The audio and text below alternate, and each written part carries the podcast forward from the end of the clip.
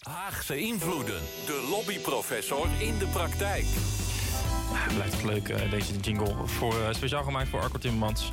Ja, vandaag in de maandelijkse rubriek de lobbyprofessor in de praktijk. Samen sterk of beter alleen. Lobbystrategieën van Nederlandse bierproducenten en tabaksfabrikanten. Dat is het onderzoek van uh, Haaien Dijkstra, oud-masterstudent op de Universiteit Leiden. Onder leiding van hoogleraar Public Affairs Arco Timmermans dus. Het onderzoek keek naar waarom en in welke mate tabaksfabrikanten en bierproducenten ervoor kiezen om alleen samen of ja, brancheoverstijgend te lobbyen. Heren, nogmaals, avond. Goedenavond. Dankjewel. Ja, Haaien, uh, tabak en bier. Is er een moment geweest dat jij schuldig bent geweest aan allebei op hetzelfde moment? Nee, dat denk ik niet. Roken heb ik nooit echt uh, gedaan. Nog nooit? Uh, nee. Nou, ik heb wel eens een sigaretje geprobeerd, ja. Ja. Ja, dus als ik heel eerlijk ben, zal ik het vast Ja. een keer bij de, bij de aangeraakt hebben, ja. Maar het gaat in ieder geval daarover. Het gaat over ehm, de lobbystrategieën. Hè. Doe je dit alleen of met, of met anderen? Maar het gaat ook over dus de- vooral de tabaks- en alcohollobby. Vooral ge- gespecialiseerd op, op bier. Eh, waarom heb je voor deze sectoren gekozen? Ehm, nou, ik vind sowieso een vergelijking maken tussen twee sectoren altijd mooi. En eh, ik denk dat het in dit geval heel relevant is, omdat eh, ze gelijkenissen hebben, maar zeker ook verschillen. Ja. Het is beide natuurlijk een product wat een verslavende component heeft, wat eh, gezondheidseffecten heeft. Eh, maar tegelijkertijd zie je dat tabak nog veel sterker gereguleerd is. Dat de accijnsen bijvoorbeeld nog veel hoger liggen. Vanaf En april ook- hè, gaat het weer in euro omhoog. Ja, Sigaretten, inderdaad. ja. En ook dat eh, je ziet dat de lobby van eh, de tabaksindustrie aan band is gelegd. Ja. En daarmee is het eigenlijk een van de weinige lobby's die additionele maatregelen heeft. Ehm, en dat heeft natuurlijk invloed op eh, je speelveld als lobbyist. En daar wou ik graag ook meer van weten. Ja, en, en daar speelt imago denk ik een hele grote rol eh, in. En eh, nou ja, hoe mensen er naar kijken. Even voor de administratie. hoe heb je het gedaan? Hoe ben je te werk gegaan? Dat is Ehm, belangrijk.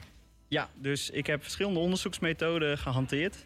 Eh, zelf ben ik altijd een ontzettend liefhebber van interviews. Gewoon omdat je dan met eh, eh, mensen die er echt verstand van hebben en er dagelijks mee bezig zijn, kan ontdekken hoe het, eh, hoe het een beetje werkt. Mhm. Daarnaast ben ik eerlijk gezegd ook niet zo goed in kwantitatief onderzoek. Dus ik ben er meerdere keren toch een beetje ingevallen.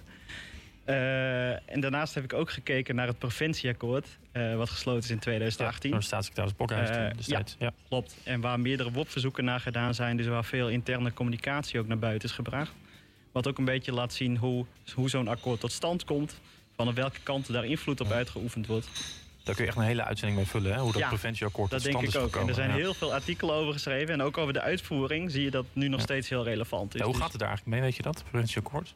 ehm, nou, het, wordt, het wordt gemonitord. Ehm, in alcoholgebruik was op een gegeven moment een terugval. Eh, of in tabaksgebruik was op een gegeven moment een terugval. Je Mhm. ziet dit jaar dat er weer iets minder gerookt is.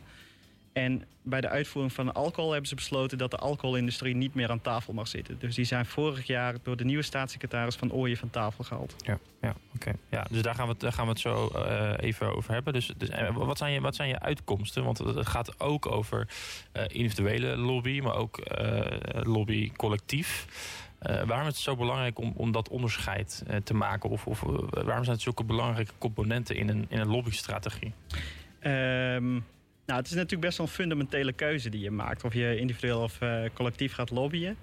Eh, Wat we, is het kennen, verschil? we kennen in Nederland natuurlijk allereerst een, een, een, een poldercultuur. Waarin je een hoop organisaties hebt die een soort vaste plek aan tafel hadden. Dat wordt ook wel corporatisme genoemd. En de afgelopen decennia zie je al dat het, de bedrijfslobby, dus individuele bedrijven die ook eh, naar de politiek toe gaan, naar het ministerie toe gaan, steeds meer toeneemt. Mhm. Nou ja, dat is natuurlijk een interessante trend om te onderzoeken. En beide hebben natuurlijk voordelen. Het voordeel van individueel lobby is dat je snel kan. Eh, je hoeft niet te overleggen natuurlijk.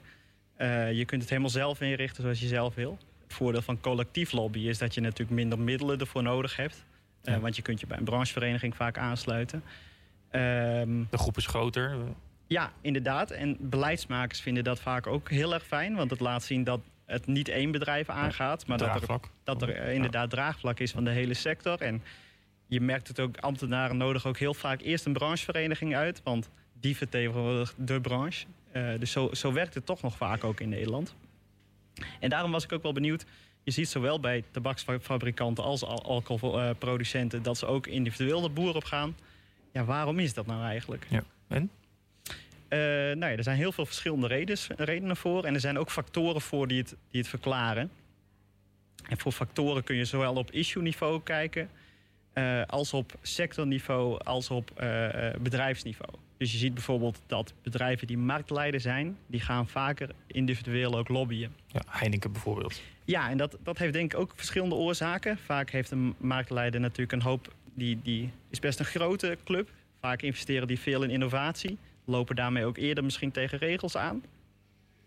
Ehm, tegelijkertijd zie je dat er ook vaak meer vraag is vanuit de politiek en de ambtenarij naar de marktleider. Want als jij aan alcohol denkt, dan denk je inderdaad misschien ook sneller aan de grote jongens. Mhm. Dan denk je sneller aan de Heinekens en aan Grols en uh, Amstel, et cetera. Dus uh, die worden daardoor misschien ook vaker benaderd. Dus ik denk dat dat ook een reden is dat ze misschien vaker individueel de boer op gaan. Ja. Ja, want als je sterk genoeg bent om uh, als in je eentje te lobbyen... of je hebt iets opgebouwd dan ja, waarom zou je daar niet voor kiezen? En eh, hoe zit het met, met de, de, de, de branche? Hè? Want dat zeg je ook, uh, beleidsmakers gaan vaak sneller naar een branchevereniging... omdat het een overkoepelende organisatie is, kan zijn, in ieder geval qua vertegenwoordiging. zit daar ook verschil als je kijkt puur naar die branche tussen um, tabak en, en, en alcohol? Ja, je hebt voor de alcoholindustrie heb je Nederlandse brouwers. Maar de alcoholindustrie is ook nog vertegenwoordigd in uh, Stiva. Dat is de Stichting Verantwoorde Alcoholconsumptie.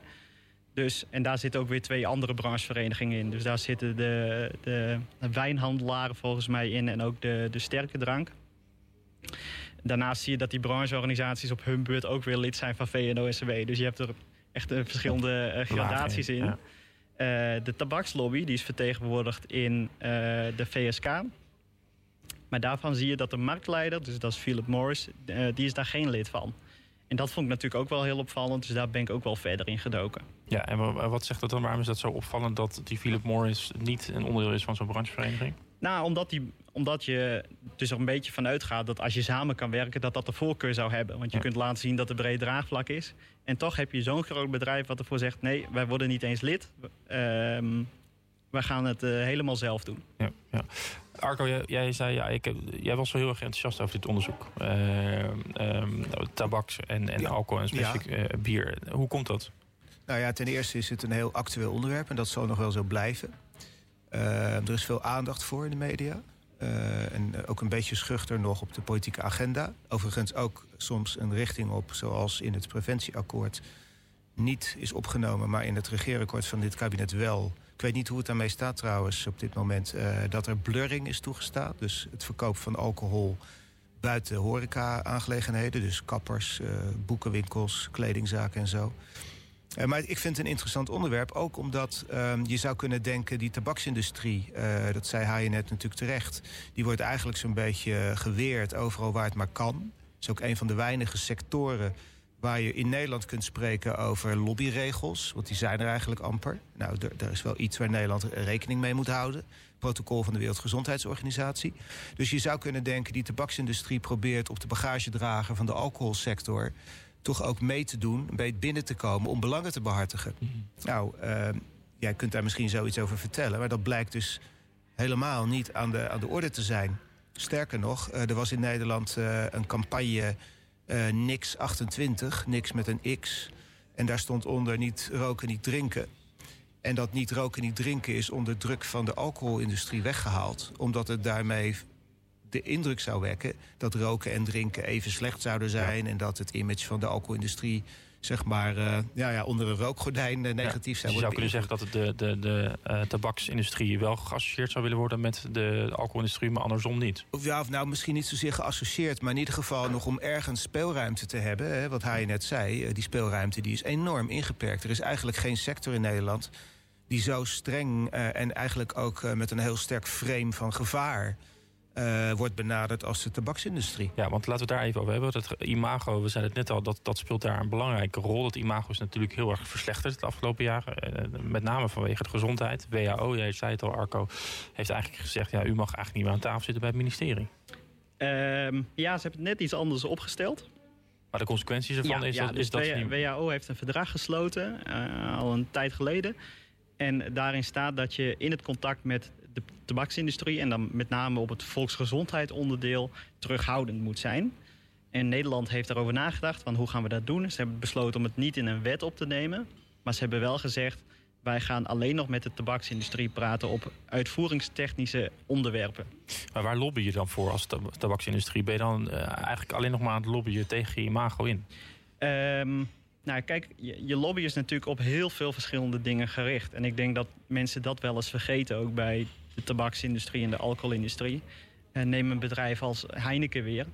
Die hebben een hele productieketen. Dus die hebben te maken met heel veel regels rondom het maken van uh, verpakkingsmateriaal bijvoorbeeld. Die hebben een hele logistieke keten. Dus die moeten misschien hun hele transport wel gaan verduurzamen. Uh, die hebben te maken met allemaal regels rondom horeca. Dus die lobby is echt niet alleen gericht op het verkopen van zoveel mogelijk alcohol. Dat zie je denk ik ook bij de tabaksindustrie.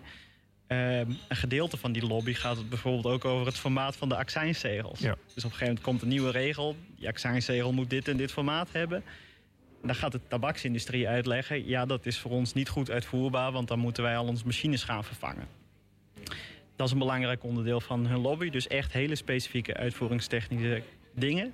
En daardoor wordt er natuurlijk ook niet zoveel samengewerkt. Want ja, als het over accijnszegels gaat, dan heeft het natuurlijk niet zoveel zin. Ja, maar je kunt wel zeggen dat uh, de, de tabakslobby er een probleem bij heeft. Doordat het imago niet is van, uh, oh, dit is een gezonde business. Het is gezond om te roken. Dus ja. het, het, wordt daarmee gereguleerd. Dus er worden meer regels gehanteerd bijvoorbeeld bij een tabakslobby. En dat beperkt je, lijkt me, in, uh, nou, zeker bijvoorbeeld dat je aan tafel kan zitten. Ja, en, en, wat je daarbij ook nog beperkt is uh, uh, dat alle communicatie daarover ook openbaar wordt. Dus, en, en daarmee is het ook een, echt een uitzonderlijke lobby. Uh, alle contactgegevens tussen VWS en de tabaksindustrie worden gepubliceerd op de website van de Rijksoverheid.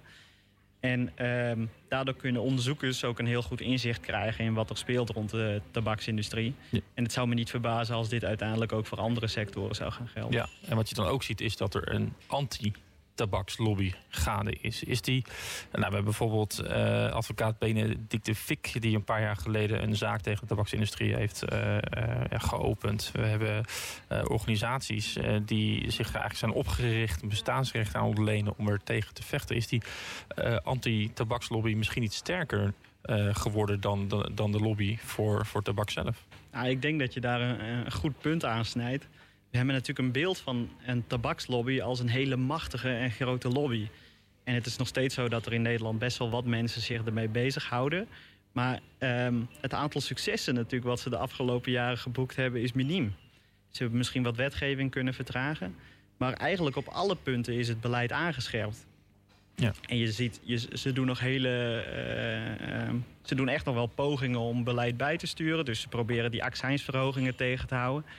Um, ze doen bijvoorbeeld heel veel onderzoek naar grenseffecten. Dus uh, gaan er meer mensen naar Duitsland toe omdat daar de belasting lager zou zijn. Ze hebben ook een meldpunt volgens mij voor smokkel in uh, sigaretten. Allemaal bedoeld om maar aan te... onderzoek daarover? Allemaal maar om maar aan te tonen uh, hoe die hoge belastingen effect hebben op, ja. op grenseffecten en op illegale smokkel. Ja. Um, terwijl het beeld misschien van een antitabaklobby misschien sterker is. Um, maar hij, hij, ging zelfs soms zo, zo ver, die antitabaklobby, dat het persoonlijk werd dat, dat mensen bij naam en toenaam werden genoemd, hè, die uh, in de uh, tabakssector lobby werkten of consultants. Um, is dat iets wat je vaker ziet, Arco? Mm. Nou, dat is wel uitzonderlijk hoor. Zeker in Nederland. Uh, de scherpte van de lobby in Nederland, zeg maar, Nederlandse cultuur van het lobbyen, die is veel minder hard, denk ik. Uh, maar is wel harder geworden. Dat zie je wel. De politiek is harder geworden, de samenleving is harder geworden. Dus de lobby is soms ook harder. Amerikaanse bedrijven weten daar uh, trouwens ook wel uh, zomaar, van wanten in Nederland. Die lobby ook vaak wat harder. Ehm, maar het is opvallend, hè? Want um, Jij zegt anti, anti is keihard. Er is, ken jij, weten jullie of er een anti-alcohollobby is? Er zijn medici die zeggen het is niet gezond voor je... en er worden pleidooien over gehouden en er is kennis. Er zijn kennisinstellingen die daar eh, met heel veel verstand van zaken... Eh, zeg maar nieuws over naar buiten brengen, praten met de ministeries. Maar een echte eh, anti-alcohollobby heb ik eigenlijk nog nooit van gehoord. Ja, volgens mij bij de tafel van, uh, van het preventieakkoord uh, zaten wel uh, andere organisaties ook mm -hmm. aan tafel naast de industrie, zoals een KWF natuurlijk. Die echt wel voor aanscherping zijn op bepaalde terreinen. Maar die lobby is in ieder geval niet zo vocaal Nee. Als de, als de anti-tabakslobby. Ja, het is in ieder geval actueel. Eh, van de week, vorige week, eh stond Diederik Gommers samen met andere eh, artsen. had hij Monica Geuze, de influencer, nog aangesproken om in ieder geval niet in haar filmpjes vapen, de elektrische sigaret, duidelijk te laten zien. Zelfs gewoon helemaal weg te halen, omdat nou, dat eventueel kan inspireren voor, voor volgers. Het is een actueel onderwerp. Volgende maand gaan de, de sigaretten worden een euro duurder. Ehm, even tot slot over de tabaksindustrie. Er wo- wordt er door andere sectoren met angst gekeken naar hoe het eh, eh, gegaan is met die tabaksindustrie? Ja, ik denk dat er verschillende sectoren die wel bang zijn dat ze het nieuwe roken eh, worden. En ehm, kijk, het is natuurlijk sowieso al, met bepaalde belangen kom jij minder gezellig binnen op het ministerie. Ehm, dus, dus nee, natuurlijk zijn er sectoren die bang zijn dat er meer regelgeving ingesteld wordt. Niet alleen op hun producten, maar ook op de manier waarmee ze communiceren met de overheid. En is dan die, die alcoholsector, hè? eh, want er zijn overeenkomsten en verschillen natuurlijk tussen, tussen beide. Maar wat je nu ook best wel ziet de afgelopen jaren is best wel een lobby voor bijvoorbeeld 0,0 bier. Ehm, is, is dat is een gamechanger? Is dat helpend voor de alcoholsector dat, dat die, eh, on, dat onderdeel van alcohol, die 0,0, ook heel groot is geworden? Nou, met 0.0 zijn ze natuurlijk wel heel blij, omdat het vaak betekent dat je alsnog reclame kan blijven maken, bijvoorbeeld. En bij beleidsmakers schuilt daar ook echt wel de angst dat, ondanks dat je reclame maakt van 0.0, dat mensen alsnog aan jouw merk denken en dat alsnog associëren ook met het gewone eh, product. En dat is ook zo. Ja, dat denk ik ook. Marketingonderzoek Ja. laat dat ook zien. En tegelijkertijd zit er ook gewoon een belang bij voor hun om wel 0.0 te verkopen. Want ik weet niet precies wat de prijs is van een 0.0 biertje. Maar volgens mij scheelt het niet heel veel van een gewoon biertje. Maar eh, de, de grote eh, alcoholproducenten hoeven daar natuurlijk veel minder accijns op te betalen. Dus Ja. het is voor hun wel een heel interessant en winstgevend product ook. Dus het zou ze ook niet eh, heel erg. Ze zouden het ook niet heel erg vinden, denk ik, als hun 0.0 bier beter gaat verkopen. Heb je gekeken naar, naar hoe die bierproducenten, want het gaat met name op over bierproducenten en de lobby daarvoor in jouw in onderzoek, hoe zij dingen anders doen in hun lobbyaanpak dan de tabaksindustrie? Nou, ik maak in mijn scriptie onder andere een onderscheid tussen een transactionele en een relationele benadering. En dat is dus een onderscheid of je gaat lobbyen voor. Dus dat je alleen gaat lobbyen op het moment dat een specifiek onderwerp op de agenda staat. Dus je gaat pas een briefje naar een Kamerlid sturen op het, op het moment dat, eh, dat er problemen zijn. Of dat je juist gaat proberen om echt een band op te bouwen met beleidsmakers en bijvoorbeeld periodiek langs te gaan op het ministerie. En ik denk dat de branchevereniging, eh, dus Nederlandse Brouwers, die heeft goed periodiek contact met eh, ministeries. En bij de tabaksindustrie wordt dat door dat verdrag dus natuurlijk veel meer ingeperkt. En die, proberen daarmee, die worden daarmee eigenlijk bijna in die transactionele benadering geduwd. Dus ondanks dat ze dat misschien niet willen, het liefst gewoon een hele goede band zouden opbouwen, waarin een hoop kennis uitgewisseld wordt, eh, zie je dat ze eigenlijk alleen nog maar transactioneel zo nu en dan een briefje kunnen opsturen. Ik heb heel erg het gevoel, Arco, dat we. eh, het gevoel, want ik, ik observeer dat, dat eh, gezondheid en, en de aandacht daarvoor steeds, steeds meer wordt, steeds groter wordt. Ja, Eh, Zeker, ja. eh, en zeker ook bij de beleidsmakers, bij het ministerie. Ja. Eh, en Maar dat, gaat, dat gaat alleen maar door, denk ik. Dat, dat Ja. wordt niet minder. Nou, het is ook wel een interessante vraag. Hè? Of wat we zien gebeuren aan eh, beperkingen voor de ruimte die de tabakslobby krijgt, of de tabaksindustrie krijgt. Of dat ze schaduw vooruitwerpt op eh, andere sectoren. Omdat het gezondheidsframe eh, steeds dominanter wordt op heel veel terreinen. Maar tegelijkertijd constateer ik ook dat eh, de regulering van verslavende activiteiten, roken, drinken, gokken, Gamen. die is compleet tegenovergesteld. De hele gokwereld, kansspelen zoals dat vroeger heette... het heet volgens mij juridisch nog steeds officieel zo in de wetgeving... die is geliberaliseerd. Het is een enorme hoeveelheid aanbieders nu. Dat Ja. is compleet tegenovergesteld. Wordt wel Eh, steeds meer gereguleerd. Hè? Dus, dus eh, ja, grote eh, billboards. bekende Nederlanders mogen niet meer in reclames optreden. nou, reclames tot een bepaald tijdstip Ze mochten gaan het weg. nog wel. Ja. Nee, nee, maar het is, heel, dat, dat is een hele tegenstrijdige, sterke tegenstrijdigheid in de regulering van verslavende activiteiten, die allemaal op allerlei manieren met de volksgezondheid en het, daar, bedoel ik ook geestelijk welzijn mee te maken hebben. Eh, dus of, dat, of we zien dat er eh, straks ook strengere maatregelen zijn ten aanzien van eh, de ruimte voor de andere sectoren. Jij hebt in je scriptie gekeken naar de biersector. Er is in Nederland een kennisinstituut bier. Daar zijn, geloof ik, ook hoogleraren bij betrokken die. Ja, wat doet zo'n kennisinstituut bier? Dat kijkt naar ehm, de, de, de, gezond, de positieve gezondheidseffecten op het drinken van bier. Of van het drinken van bier. Stuk, dat is wel interessant dat, je, dat dat er is. Ja, en de alcoholindustrie heeft ook heel lang samengewerkt met TNO, waarbij uh, ze volgens mij ook met een gedeelte overheidsfinanciering gezamenlijk onderzoek deden naar ook de gezondheidsvoordelen van het gebruik van alcohol. Ja. Uh, dus in die zin is die sector echt nog wel heel anders. Ik denk dat je kansspelen wel veel meer moet gaan bekijken zoals we ook met wiet omgaan. Uh, er werd heel veel gegokt in Nederland. En dat is op een gegeven moment hebben we gezegd... we kunnen dat misschien beter gaan legaliseren... zodat we dan ook beter controle hebben op wat er gebeurt. Vervolgens zag je natuurlijk een enorme, uh, uh, enorm veel reclame ontstaan. En dat wordt nu weer ingeperkt. Dus ik denk dat we ook daarmee nu wel in de tijdperk van sterkere regulering zijn aangekomen.